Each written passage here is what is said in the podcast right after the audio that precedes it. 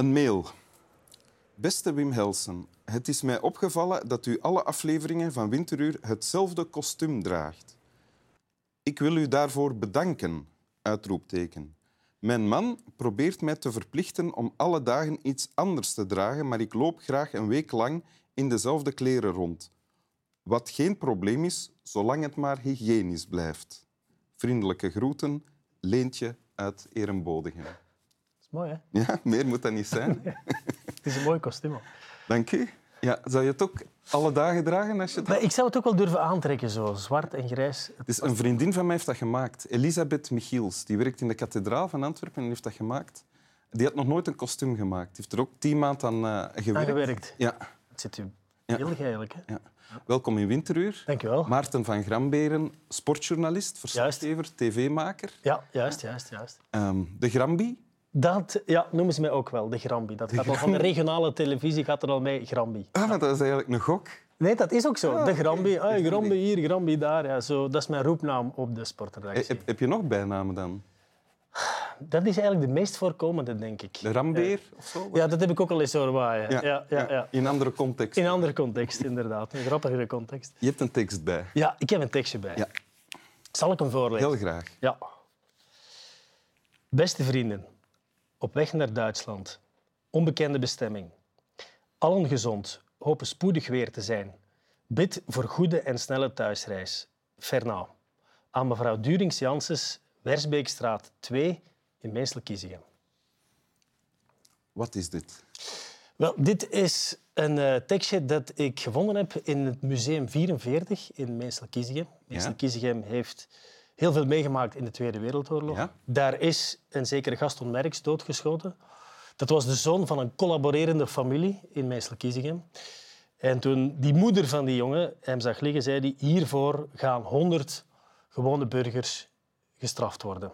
En dat is ook gebeurd. Er zijn kort daarna twee razzia's geweest in Meesel-Kiezegem.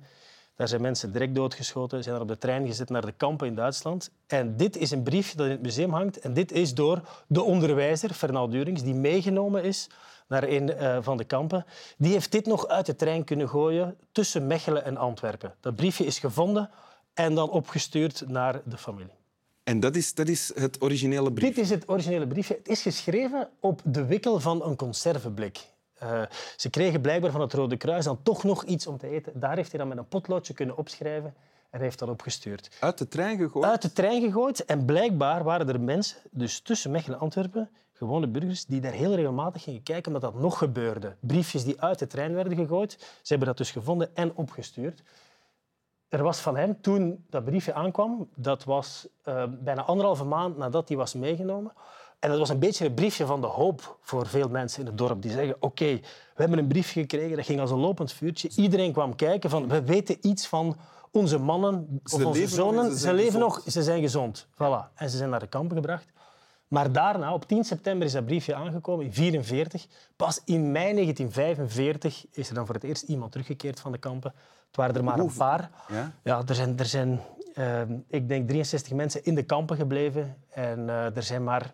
Zeven of acht mensen of zes mensen teruggekeerd uit de kampen. Oké. Ja. Eh, de- maar deze man is niet teruggekeerd. Nee, deze man is niet teruggekeerd. Het moet een heel goede man geweest zijn. Hij was een soort van voorarbeider. Eh, Omdat hij onderwijzer was, was hij wat verantwoordelijk voor de andere mensen. Kreeg wat meer eten, gaf dat eten ook af. Zei ook altijd, mannen, mannen, met kerstmis zijn we thuis. Tot ergernis van sommigen die zeiden, je bent altijd zo positief. Maar het moet een fantastische mens geweest zijn. Een heel verantwoordelijke die dan ook nog dat briefje heeft gestuurd. Ja, want het, het eigenlijk klinkt... Dat is ook het pijnlijke. Dus bijna, bijna al die mannen, want het waren allemaal mannen, Ja, ja, zijn ja. gestorven in toch wel heel ellendige omstandigheden. Ja. Hij zelf ook.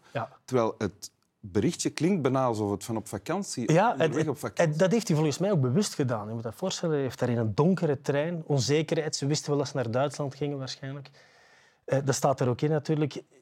Die onzekerheid moet gigantisch geweest zijn. En hij heeft ook niet naar zijn vrouw geschreven, hij heeft echt naar het hele dorp geschreven. De beste vrienden Ja. staat er. Dus echt bedoeld van mensen, rustig, rustig, eh, we gaan positief zijn. Allen gezond. Hoop, allen gezond. Ja. Hele positieve boodschap dat al die vrouwen die dat briefje kregen... Oh, allee, het is goed, eh, ergens een kamp in Duitsland, het komt nog wel allemaal Maar goed. dat maakt het nog pijnlijker, hè? Ja, Maar ik vind het wel een ongelooflijk nobel briefje. Want je zou het ook alleen naar je vrouw hebben kunnen sturen. Nee, hij heeft nog maar eens de verantwoordelijkheid genomen als onderwijzer. En hoe kom jij hierbij uit?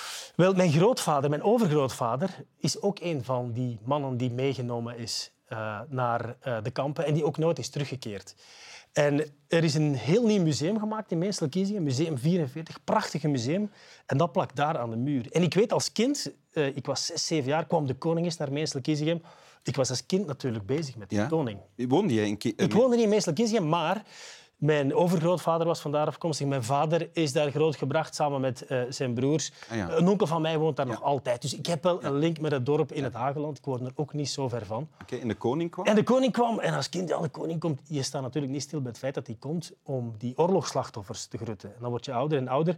En heel vaak in de familie gaat het daar nog over. En wat wij soms doen met de familie, hebben we onlangs nog gedaan. Jouw grootvader is dan als wees eh, Ja, verder ja opgegroeid. er waren heel veel wezen. Er waren alleen maar weduwen. In de dertig weduwen. Ah ja, dat is een maar dorp vol Een vrouwen dorp en vol met kinderen. vrouwen en kinderen. En maar drie of vier vrouwen zijn hertrouwd.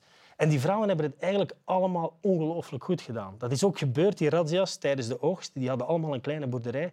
En toch hebben die hun kinderen allemaal goed kunnen opvoeden. Die kinderen hebben het allemaal goed gedaan in het leven, zijn ver gebracht. En Dus de moraal van het verhaal zou kunnen zijn... vrouwen gedijen beter zonder man. Wel, dat zou... Sorry, dat is een nee, ander nee, nee, dat is iets anders. Maar, maar wat wel zo is, is dat vrouwen wel zo sterk zijn om toch nog de moed bijeen te vinden zonder man, met vaak vijf, zes, zeven kinderen, een boerderij die verzorgd moet worden. Vrouwen kunnen dat wel. En daar ben ik van overtuigd. Die kunnen dan toch nog wel dat leven voortzetten en zo hard vechten voor hun kinderen, terwijl hun leven eigenlijk voor een stuk naar de vaantjes was. Ja. En zij worden ook vaak geëerd, die vrouwen. Er komt in dat museum een prachtig beeld van al die vrouwen, een prachtig schilderij van al die vrouwen. In Neuengamme zelf, waar ze naartoe gebracht zijn, prachtig beeld van die vrouwen. Het is ook wel een eerbetoon aan de vrouwen wat daar gebeurd is. Je vertelde daarnet dus over de familie en dat er in de familie nog altijd over wordt gepraat. Ja, ja, dat is ook zo. Er wordt altijd over gepraat. Soms met, met, met eh, kerstmis, met nieuwjaar, komen we met alle van Gramberens samen.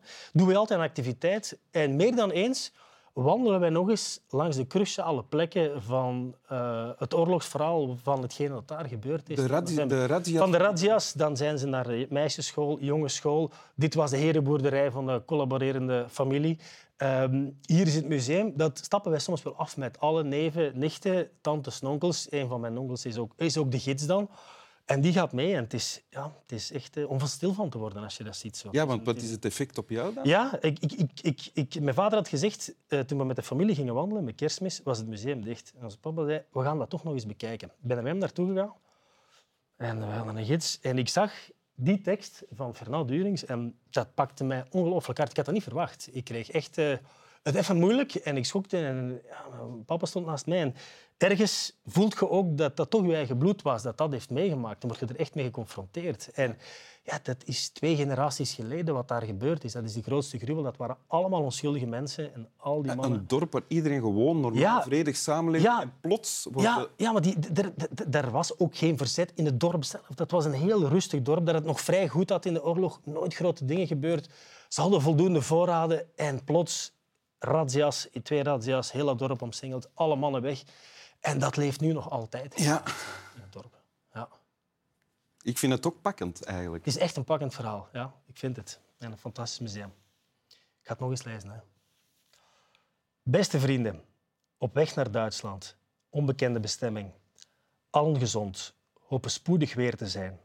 Bid voor goede en snelle thuisreis. Fernau. Aan mevrouw Durings-Janssens, Wersbeekstraat 2, Meensel-Kiezië. Dank u. Alsjeblieft. Slap wel. Slaap wel. Je is al aan het slapen, denk ik. ja. Beter dan hijgen. Ja. Hij zit ook dikwijls te hijgen. Ah ja, toch wel. Dat heb ik nog niet zien.